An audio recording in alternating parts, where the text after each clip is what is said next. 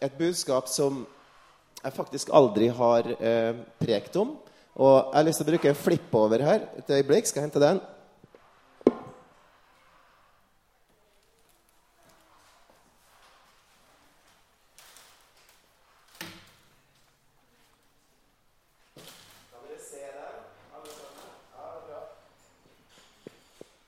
Når jeg ser litt på det som jeg har pleid å tale om, og det som veldig mange taler om, så handler det jo selvfølgelig om oss mennesker. Og veldig mye da om Mye av talene handler om relasjonen til Gud. Det er på en måte et stort tema, veldig mye som blir talt om i ulike prekener og taler. Det å finne Gud, evangeliet osv. Og, og så har vi også veldig mye taler som handler om relasjoner. Da med de som er i vår familie, så det å være far, det å være mor, det å være barn osv. Og, så og alt det. Og også det å være sammen som menighet, dette med gjestfrihet og masse forskjellige ting som har å gjøre med det. Det som kanskje blir talt mindre om, har å gjøre med de menneskene som er ute her i verden, og da snakker jeg om flere milliarder av de som er fattige, og som har det vanskelig. Og eh, det som ofte blir, er jo at vi er opptatt av også at vi skal ha det bra og mestre vårt eget liv. At vi skal mestre relasjoner, jobben vår og de tingene, og bruke veldig mye på det. Men så er det hva med de menneskene som er enda lenger borte, som ikke er her sånn, og også for sånn sett de som har det vanskelig, som er i nærheten av oss også. Det fins noen av de, men det er jo en sky av mennesker der ute, og hva med de? Så egentlig så har jeg tenkt å snakke i dag om å stille meg det spørsmålet Hvordan er det det å være rik, og hvordan skal jeg leve som rik i en verden fylt av fattigdom og urettferdighet? Og det er egentlig det temaet som jeg har lyst til å ta opp i dag og stille det spørsmålet. Og jeg har egentlig holdt på med litt av det i life-gruppa vår også. Så de som er i min life-gruppe, de har jo hørt mye, og vi har diskutert veldig mye akkurat om det her. Og den første erkjennelsen og realiseringen som jeg har kommet til i, i mitt liv, det er jo at vi lever i et av verdens rikeste land i forhold til bruttonasjonalprodukt er Norge det 23. rikeste landet. Det er ulike, avhengig helt hvordan vi regner, men 23. rikeste landet i verden. Selv om vi bare har eh, knappe fem millioner mennesker, så er vi så høyt oppe på lista. Hvis en ser på bruttonasjonalprodukt og deler det på alle oss, så er vi plutselig oppe på ca. fjerdeplass. Eh, du har Luxembourg og en del sånne land, og noen veldig rike oljeland. Men vi er da der oppe og er med andre ord et av verdens rikeste land. Så erkjennelsen og realiseringen først er at uansett egentlig hva din inntekt er, og hvor mye du tjener, så er du i en kontekst av hele verden er du ufattelig rik. Sånn er det bare. Det vil si at hvis du skulle miste jobben din, så vil du fortsatt få mat og det du trenger sykehus og alle de tingene som du trenger i en velferdsstat som Norge, så er alt det lagt til rette uansett. Så i den kontekst så er vi rike. Og så har du selvfølgelig jo høyere inntekt, jo mer eh, rik i den forstand blir du også. Den andre realiseringen det er at over 1 milliard mennesker her på jorda lever for under 1 dollar om dagen. Og jeg, eh, selv så har jeg jo eh, jobba og bodd i Asia også. Jeg har jobba i eh, Bangladesh. Jeg har sett hvordan eh, de som jobber i tekstilfabrikkene, har det, fordi jeg har jobba i tekstilindustrien. Og i eh, Kambodsja så tjener da en som syr, tre dollar om dagen. Det er 18 kroner. Og hvis en da går gjennom og ser hvor mye av de 18 kronene som brukes, hvordan budsjettet er, da, så går veldig mye av de pengene med til mat. Takk skal du ha. Og eh, det som da er igjen i forhold til å kjøpe klær og dra på ferie osv., det er jo eh, omtrent ingenting. Hvis en person som tjener 18 kroner dagen, blir syk, eller barna blir syke, eller familien blir syke, så har de et stort problem. Da må de ta opp lån, og de kommer i en enda større vanskelighet. Så det er bare et eksempel på hvordan det er å ha så lite penger som, som det. Og det er da 1 milliard. Hvis en da drar den opp til to, litt over to dollar om dagen, så er du plutselig oppe i over to milliarder mennesker her på jorda. Vi snakker om nesten halvparten av verdens befolkning som har veldig lite. Så når en setter seg selv i den konteksten, så, så er det eh, utrolig hvor rike vi er i forhold til disse. And, det er masse statistikk en kan nevne her, men det at 22 000 barn dør daglig, ett barn dør omtrent hvert fjerde sekund, det også er jo veldig betenkelig pga. at de ikke har mat eller de har helse nok. Og det som også en kan spørre seg, da, er de fattige det frivillig, eller hva er det egentlig? Er de late? Nei, det er faktisk ikke slik. Er, mange av de er talentfulle. Mange av de er, har masse potensial, men de får aldri muligheten til å realisere det potensialet pga. den situasjonen som de er i, og det landet de bor i. Og um, Hvis en ser på eh, India. Jeg var også i London på konferanse der, og da var det en som jobba med barn i Mumbai. Og det som er den største utfordringen med gatebarna i eh, Mumbai og i India, det er at de er kasteløse. Og det å være kasteløs i India betyr at de blir fortalt, og de tenker at de er verdiløse. Det var deres egen skyld fordi at de Eh, pga. reinkarnasjon. Og når de da kom i sitt liv, så har de gjort seg fortjent til den situasjonen som de er i. Så de er, det er egentlig ingenting de kan få gjort med det. Og Av den grunn så, så, så er det viktigste budskapet som han forteller, som jobber med de barna, er å fortelle dem at de er verdifulle.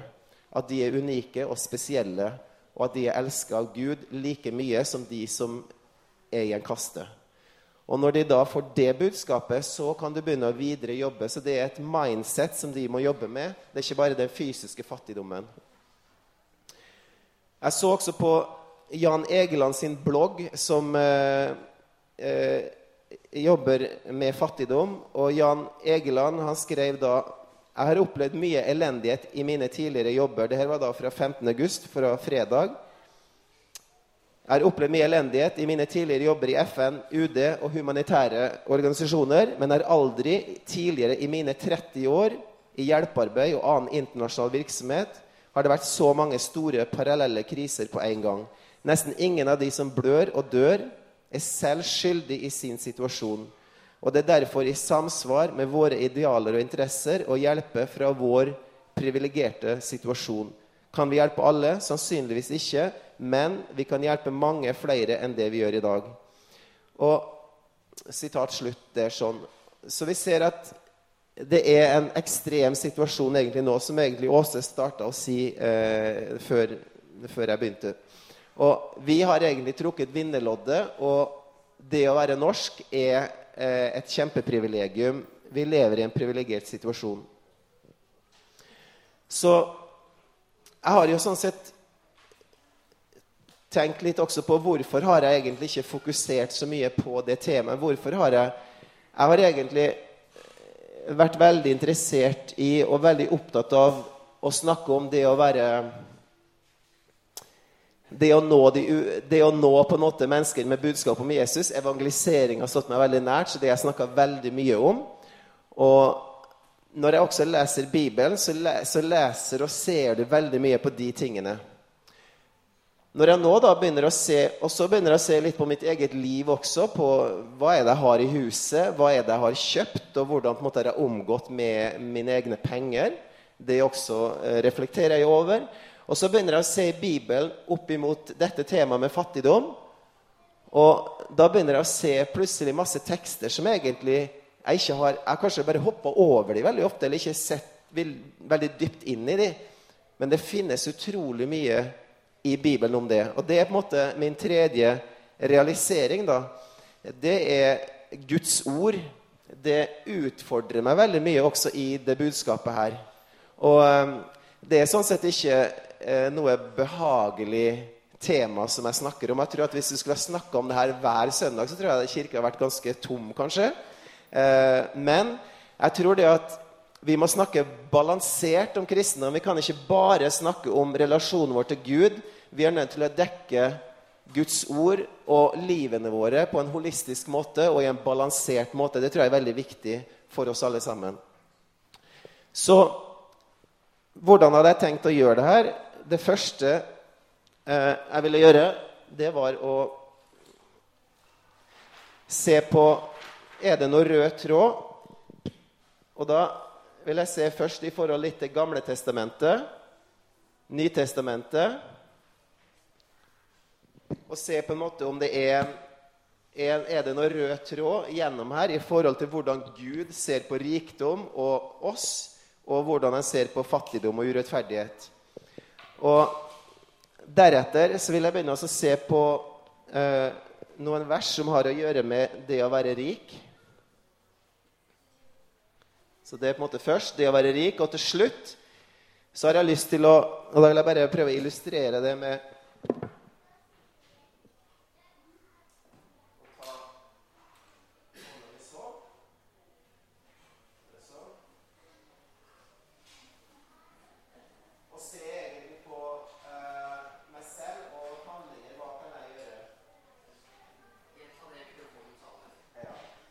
Det siste og det tredje det er å begynne å se på meg selv og handlinger. fordi det skal ikke bli på en måte noe, bare masse ord, men det må også komme ned til handling. Det må, det må skje noe med oss. Må, når Guds ord leses opp, og vi ser på Guds ord og det som blir sagt der, så er ikke det bare noe som vi skal ta til oss i hodet, men det skal komme ned i hjertet, og det skal komme ut i hendene, og det skal komme til handling. Det kan være at vi er nødt til å endre kompassretningen vår. Vi er nødt til å kanskje gjøre noe med livene våre. Så la oss se først på Gamle testamentet og Nytestamentet. Og da har jeg lyst til at vi skal se i Andre Mosebok. Så Andre Mosebok, kapittel 3, vers 7-9. Så jeg sa kapittel eh, 3, ja. Vers 7-9. Så hvis dere har lyst til å slå opp i biblene deres Nå er det slik at det som skjer her, er at Moses han er nå ute i, eh, i ørken. Han har forlatt uh, Egypt. Han har flykta derifra. Og han møter Gud gjennom en brennende busk. Og da får han et budskap. Fordi Gud ønsker å jobbe gjennom Moses, og han sier det følgende. Herren sa, 'Jeg har sett mitt folks nød i Egypt' 'og har hørt skrikene under slavedriverne.' 'Jeg kjenner deres smerte.' Og jeg steger ned for å fri dem ut av hendene på egypterne og føre dem opp fra dette landet og inn i et godt og vidstrakt land, inn i et land som flyter av melk og honning.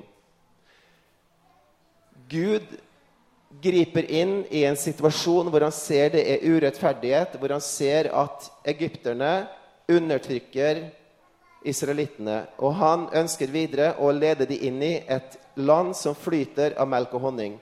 Så hva egentlig ser vi i forhold til hva Gud tenker om situasjoner? Det første det ser vi at Gud han reagerer hvis vi er i en situasjon hvor vi utnytter mennesker for vår egen rikdom. Hvis du eier en fabrikk, og du utnytter de som er der, du driver nærmest slavearbeidet av de, så reagerer Gud på det. Du skal, du skal, ta godt vare på de som eh, du har ansatt. Du skal eh, sørge for at de har det bra, og samtidig selvfølgelig at de har eh, ja, så alle de omstendigheter rundt. Så der reagerer Gud. Det neste vi ser, det er at Gud ønsker at vi skal ha en god situasjon. Han vil at vi skal ha overflod, han vil at vi skal ha melk, honning, at vi skal være på en måte i et, i et godt samfunn med, med eh, nok. Men hvordan vi da fordeler det, hvordan vi um, tar vare på det, det er videre det som man er opptatt av. Så det er det første. Hvis vi da ser Nå kom, eh, kom de ut med hjelp av Moses og inn i det lovte landet. Så hopper vi litt fram i tiden, så ser vi på Jeremia. Og i Jeremia kapittel 34 Og da kan vi se litt i forhold til vers 2 til 17. Det som har skjedd nå, det er at det har brutt ut krig eh, i Judea. Krig i den forstand at Nebukadnesar fra Babel har angrepet Judea. Og han har angrepet Jerusalem, han har angrepet judeiske byer. Og eh, Jeremia får et budskap fra Gud. Og det budskapet er det du kan se i vers 2. Så sier Herren Israels Gud, gå og si til kong Sidkia av Juda, du skal si til ham. Så sier Herren, se, nå overgir jeg denne byen i hendene på kongen av Babel, og han skal brenne den ned. Du skal ikke slippe unna ham, men gripes og overgis i hans hender. Du må se kongen av Babel i øynene, og han skal snakke med deg ansikt til ansikt. Til Babel skal du komme. En kan begynne å tenke på hva i all verden er det som skjer her? Gud gir faktisk gjennom Jeremia et budskap som han skal gi til kongen av Sidkia, kong Sidkia, at det her kommer til å skje. Du kommer til å komme til Babel, og du kommer til å ende opp i fangenskap. Hva er det egentlig som er på ferd eh, å skje her sånn? Det vi kan finne ut hvis vi hopper litt ned i de versene og kan se i vers eh, 9. I vers 9 står det den som hadde en hebraisk slave, mannlig eller kvinnelig, skulle gi slaven fri. Ingen skulle holde en judeisk landsmann som slave. Det var slik at du skulle slippe de fri det sjuende året. Og det som skjedde Hvis en tenker tilbake i eh, Egypt, så var, eh, så var da hebreerne i, i slaveri under egypterne. Og nå kommer de til det lovte landet. De begynner å leve, de forholder seg til det som er der. Og så de da, så blir det inngått en avtale med Gud i forhold til hvordan de da skal ta vare på arbeidskraften, og også i forhold til slaver. Det som da skjer, er jo at de eh, holdt ikke det løftet her. Når det hadde gått seks år, så tok de fortsatt og De satte ikke slavene fri, men de holdt de fortsatt. Og da står det i vers 16. Men så snudde dere om og vanæret mitt navn. Dere tok tilbake de slavene som dere hadde gitt fri, menn og kvinner, og tvang dem til slaveri igjen. Vers 17 det står det derfor sier Herren, fordi dere ikke ville høre på meg og rope ut frihet for neste og bror, skal jeg nå rope ut et frihet for dere, sier Herren. Frihet er sverd, pest og sult. Jeg gjør dere til en skrekk for alle riker på jorden. Så vi ser her sånn at det å eh, undertrykke og holde på slaver, det er noe som Gud reagerer på uansett. Og det er egentlig sånn sett en, en viss rød tråd en ser gjennom her i forhold til hvordan Gud ser på de fattige og, det, og de undertrykte. Han reagerer på det, han griper inn.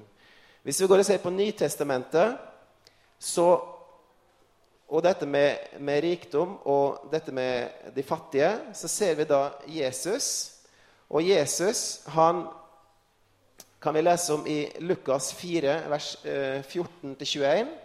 Vi kan se på Lukas, kapittel eh, 14, ja. Nei, eh, sorry, 4. Eh, vers 14-21. Eh, og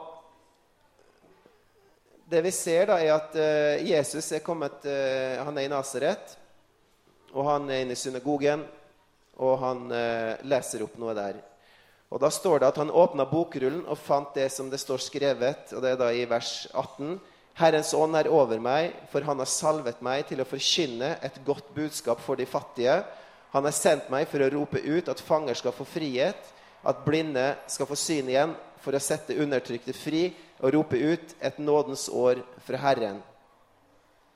Så vi ser at Jesus han kommer egentlig som en, en frigjører for de fattige. Og det her er også noe som hvis den, de som studerer teologi, så vil de se faktisk i Latin-Amerika på 1970-tallet og framover, så er det noe som heter frigjøringsteologi. Og det handler veldig mye om akkurat disse tingene her også. Hvordan de fattiges rett skal komme tilbake igjen, osv. Så, videre. så det er, det er egentlig veldig mye av det som, som ligger i akkurat den tråden der. Men vi ser også, når en reflekterer litt over Jesus da, Jesus han var født i en veldig ubetydelig provins. I, han var fra Nasaret. Han var født i en stall også. Ikke noe spesielt eh, luksuriøst. De første som besøkte Jesus, var fattige hyrder. Han hadde ingen fast inntekt. Jesus hadde ingen, ingen, ikke noe hus som han eide selv. Og Jesus han eh, også utfordra disiplene til å ikke ta med seg veldig mye når de skulle ut og forkynne evangeliet. Så ser at Jesus selv han var ikke veldig rik eh, når han levde på jorda. Han var ikke eh, født på en måte inn i et aristokrati eller inn i en veldig kongelig situasjon i, i, i på en måte gull og glitter. Så en kan jo tenke på egentlig da i Det nye testamentet hvorfor, hvorfor eh, var Jesus på den måten? Hvorfor gikk han rundt på den måten? Og det kan være at han ønska å identifisere seg med de undertrykte. Det kan være at han ønska å egentlig vise at det viktigste og helt ned til det essensielle, det var å elske sin neste å elske Gud. Og han kom egentlig for å demonstrere den kjærligheten og vise den overfor oss. Og det ville ikke han bruke noe makt eller noe glitter eller noe som skulle distrahere det. Så det, det skal ikke jeg gå inn i dybde på nå, men jeg har lyst til å bare si at Jesus han var ikke spesielt rik. og Han identifiserte seg med de fattige, og han kom også som en frigjører for de fattige. Det vi også ser i Nytestamentet, var ikke at det ble lova et nytt fysisk uh, sted, sånn som vi ser da med, uh, med Kanan. Men vi ser at det er mye i Nytestamentet om at vi blir lova eh, et nytt liv. Vi blir lova et kongerike, en, en, himmel.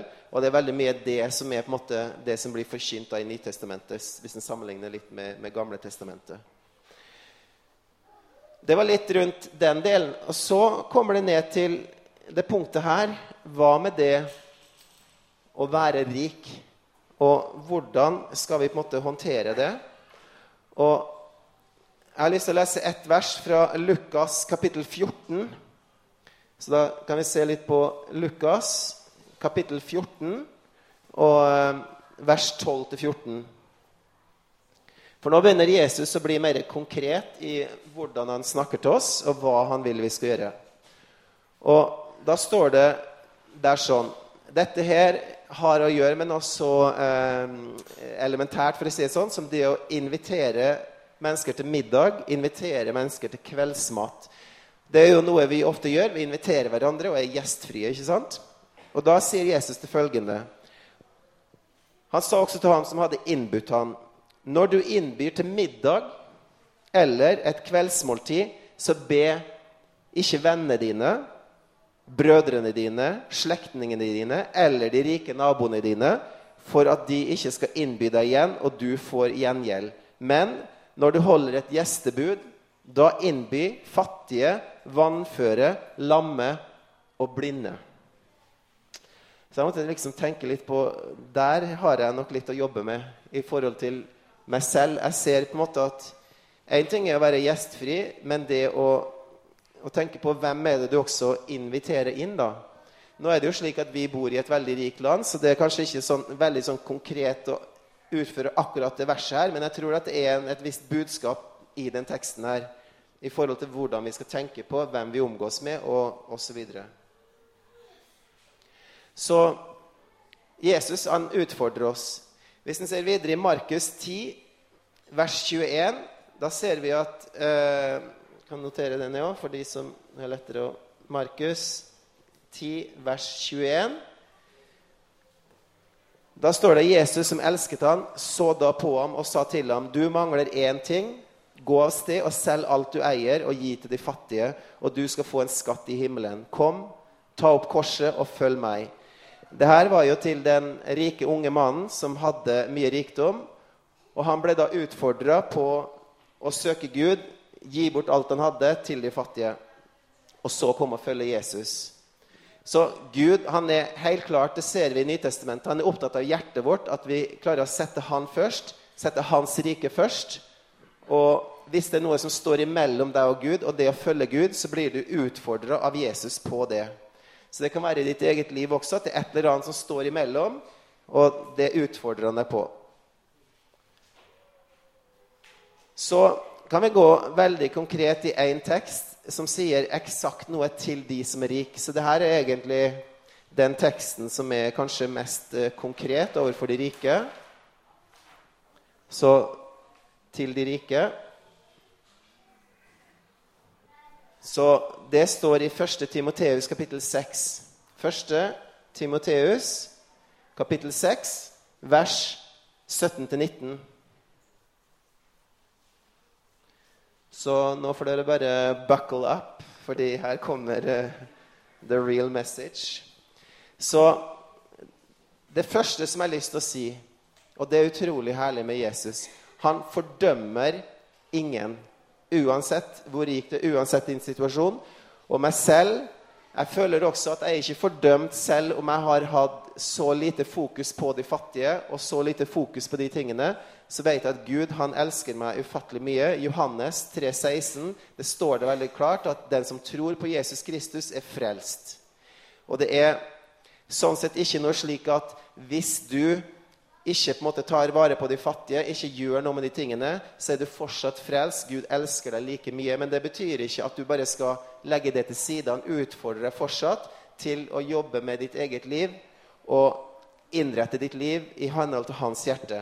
Og motivasjonen til å gjøre det, sånn som jeg ser det, det er fordi at Jesus han har frelst meg. Det er som på en måte at jeg har en utrolig god far som tar vare på meg. Og den gode faren som jeg har, han ønsker å gi ting tilbake. Jeg ønsker å klippe gresset i hagen. Jeg ønsker å hjelpe til å male huset. Jeg ønsker til å, å være med å gjøre de tingene som gjør min far glad, fordi han er så utrolig glad i meg. Det er motivasjonen min til å, å, å, gjøre det. Ikke fordi at det er en lov eller at jeg må, eller noe sånt. Jeg gjør det ut av den kjærligheten. Det er det å uansett om jeg ikke klipper det gresset, så elsker Gud meg fortsatt like mye. Og det gjelder også min egen sønn. Når ikke han har klippa gresset, uh, han elsker deg like mye. Så det er ingen no change der, men jeg ønsker fortsatt at han skal klippe gresset. jeg gir ikke opp å ønske de tingene, at han skal støvsuge eller et eller annet. Det er ikke bare å komme igjen og studere og bare have a free ride. så um, ja. Men, for, det er da på en bare for å si det, men la oss se på teksten. Da står det i vers 17 Det er Paulus som sier da til Timoteus.: Pålegg dem som er rike i den nåværende tid, at de ikke skal være håmodige og heller ikke stole på usikker rikdom, men på den levende Gud. Han som gir oss rikelig å nyte av alle ting. De skal gjøre godt, så de kan være rike på gode gjerninger, rede til å gi, villige til å dele og at de slik legger opp skatter som en god grunnvoll for seg selv til den kommende tid, så de kan gripe det evige livet. Så det som Gud sier til oss i Norge, og oss som er i en rikdomssituasjon, det er jo at vi skal ikke basere livet vårt på den rikdommen, for det er en usikker rikdom.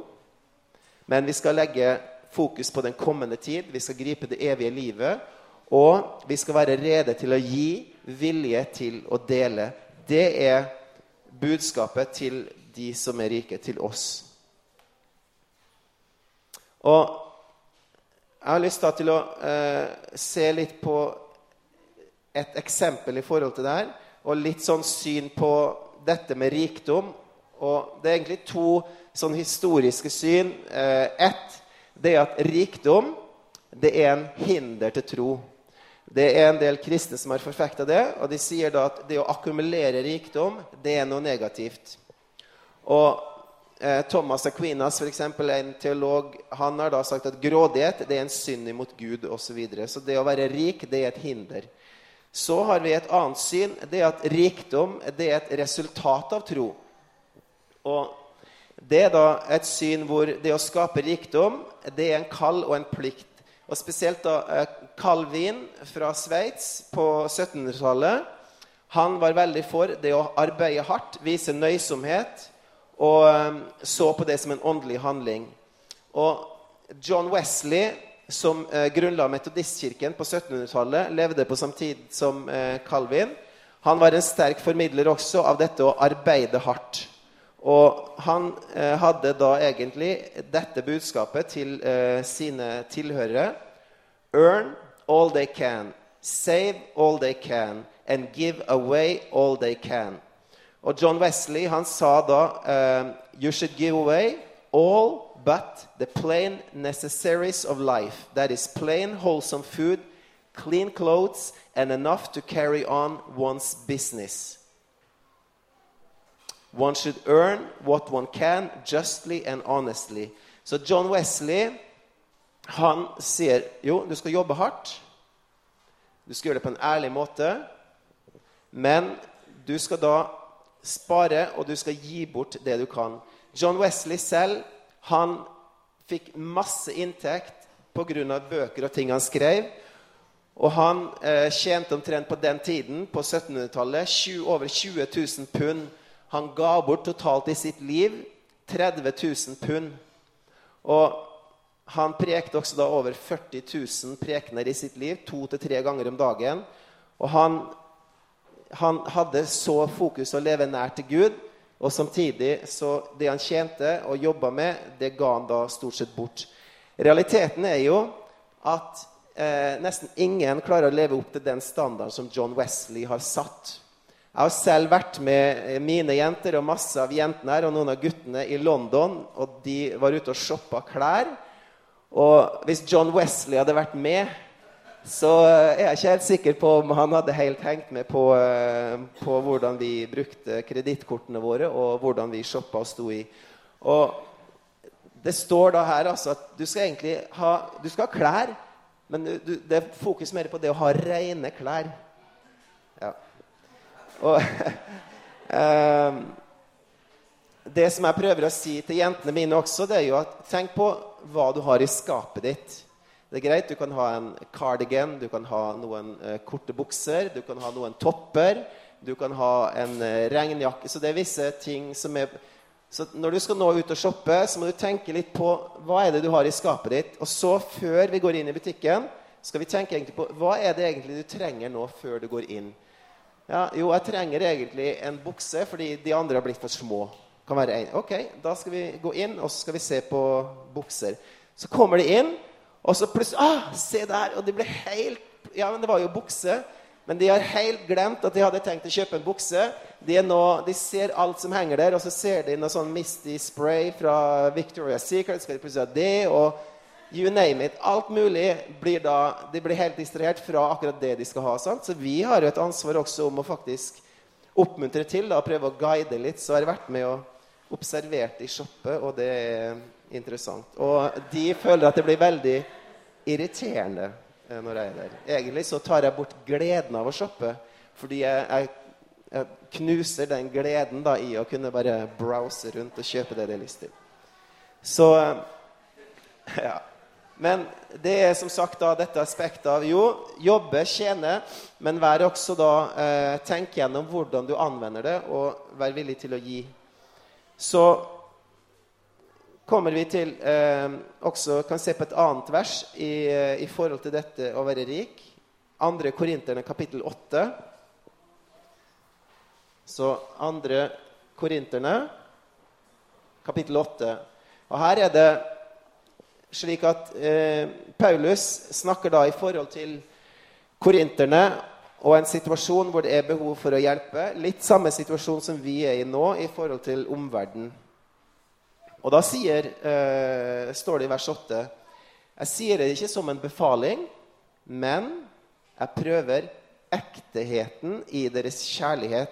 Så han prøver egentlig hvor ekte er din kjærlighet. Det er på en måte testen han gir. Og da refererer han til 2. Korinterne, vers 1, hvor da det var en situasjon tidligere i Makedonia hvor Makedonia-menigheten, som var veldig fattig, hjalp i en annen situasjon.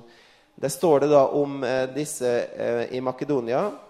Jeg vil bare fortelle dere om den nåde som Gud har gitt menigheten i Makedonia. Midt i en stor prøvelse med trengsel deres var deres glede så overveldende at den til tross for deres dype fattigdom kunne virke en rikdom på gavmildhet hos dem. Så de ga frivillig etter evne, ja, over evne. Så sier han da til, eh, eh, videre til korinterne, eh, med, basert på det her, i vers 14. Men det skal være likhet, sier han. Den overflod som dere har, skal nå i denne tiden hjelpe de andre i deres mangel. En annen gang kan de andre med sin overflod hjelpe dere i den mangel de måtte ha.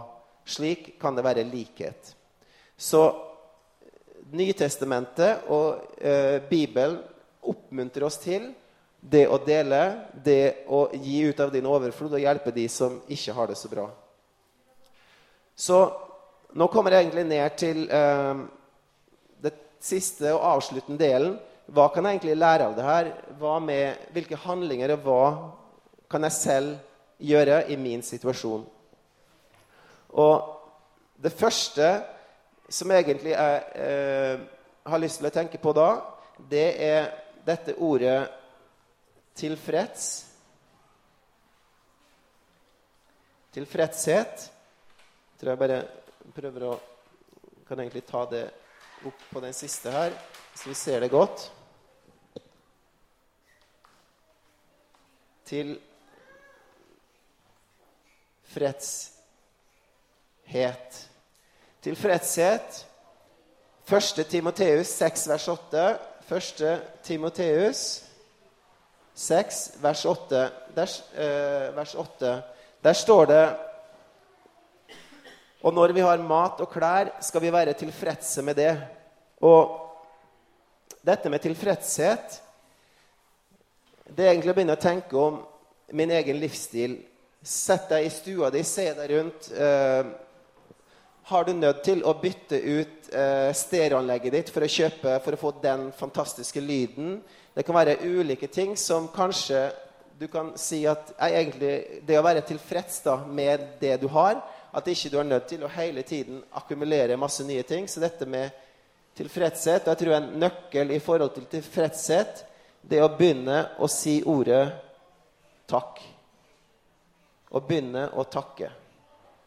Det har jeg selv opplevd. at Hvis jeg begynner å takke for alt jeg har, for barna mine, jeg begynner å takke for helsa mi, jeg begynner å takke for huset jeg bor i, osv., så, videre, så begynner på en måte all den ønsket om å akkumulere mer den blir egentlig eh, kommer litt i andre rekke når jeg begynner å takke og vise en tilfredshet.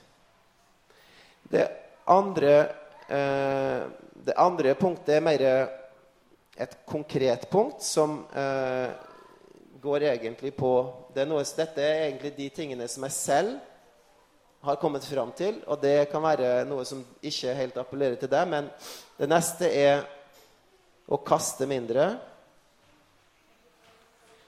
Uh, når jeg da ser på uh, mitt eget liv og dette med å kaste, så er det faktisk slik at uh, hver person i Norge kaster ca. 50 kg mat.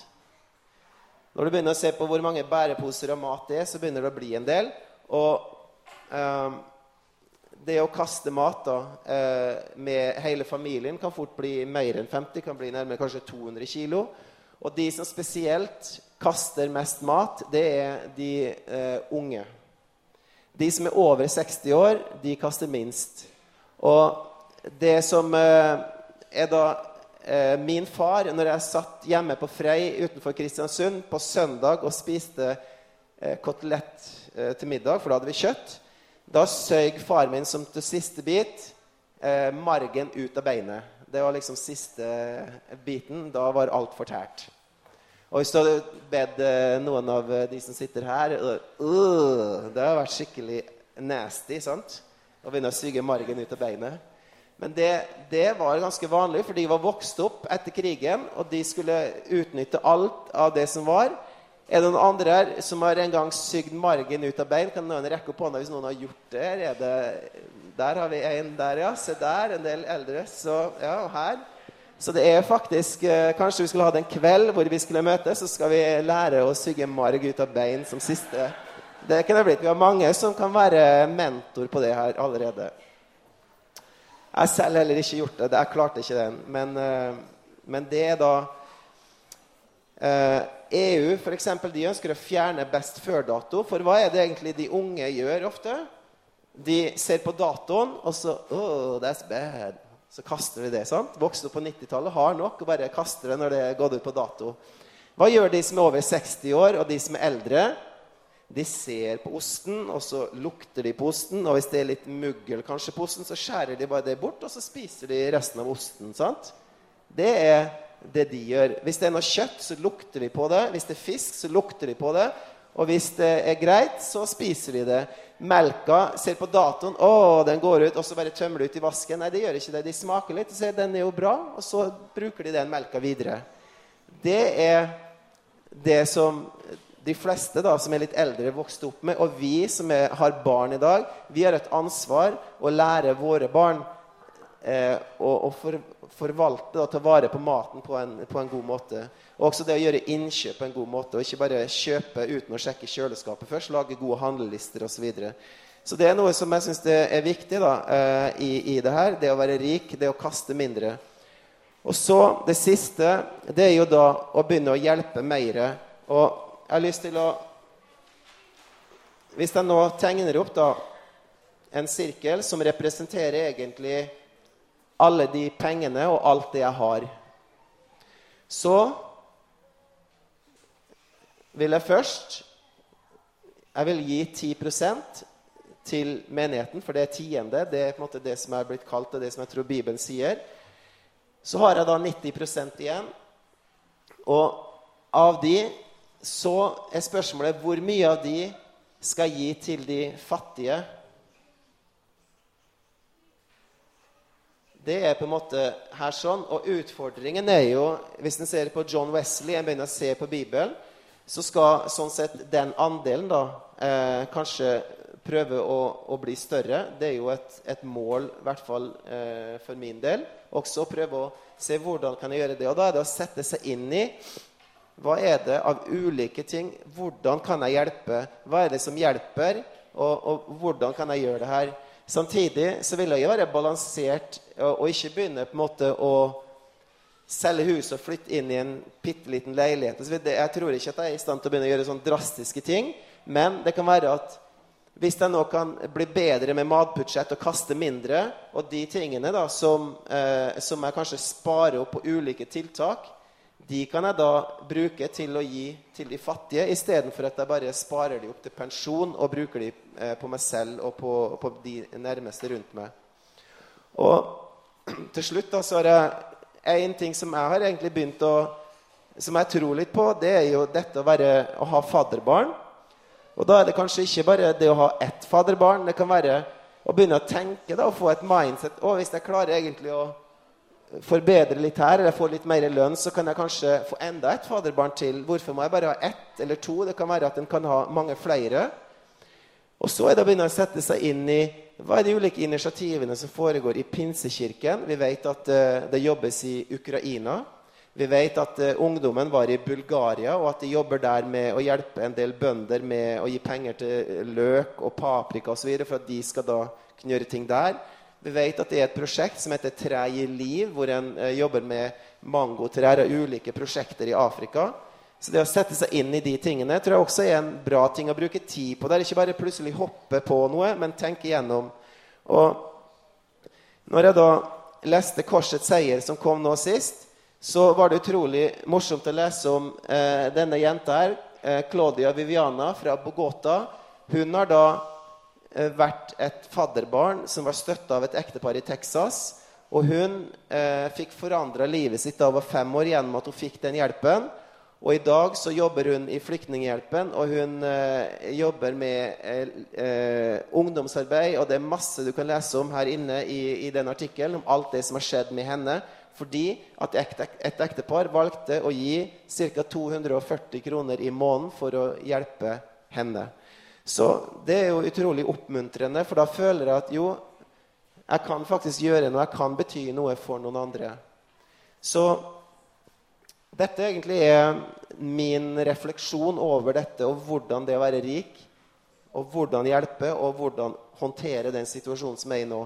Så egentlig til slutt så har jeg lyst til at vi eh, Om vi kan reise oss, jeg har lyst til å utfordre hver og en mens vi kanskje synger en sang til slutt, og har litt tid for bønn at hvis du kjenner i ditt hjerte også at jeg trenger egentlig å vokse litt i hjert mitt hjerte i forhold til dette med de fattige og den situasjonen der ute Hvis du føler som jeg gjør, at jeg sitter og ser på TV og jeg bare flipper videre til neste kanal eller en film, og det går ikke nok inn på meg, da eh, Og begynne å tenke kanskje litt mer på den delen og, og vokse litt i det området.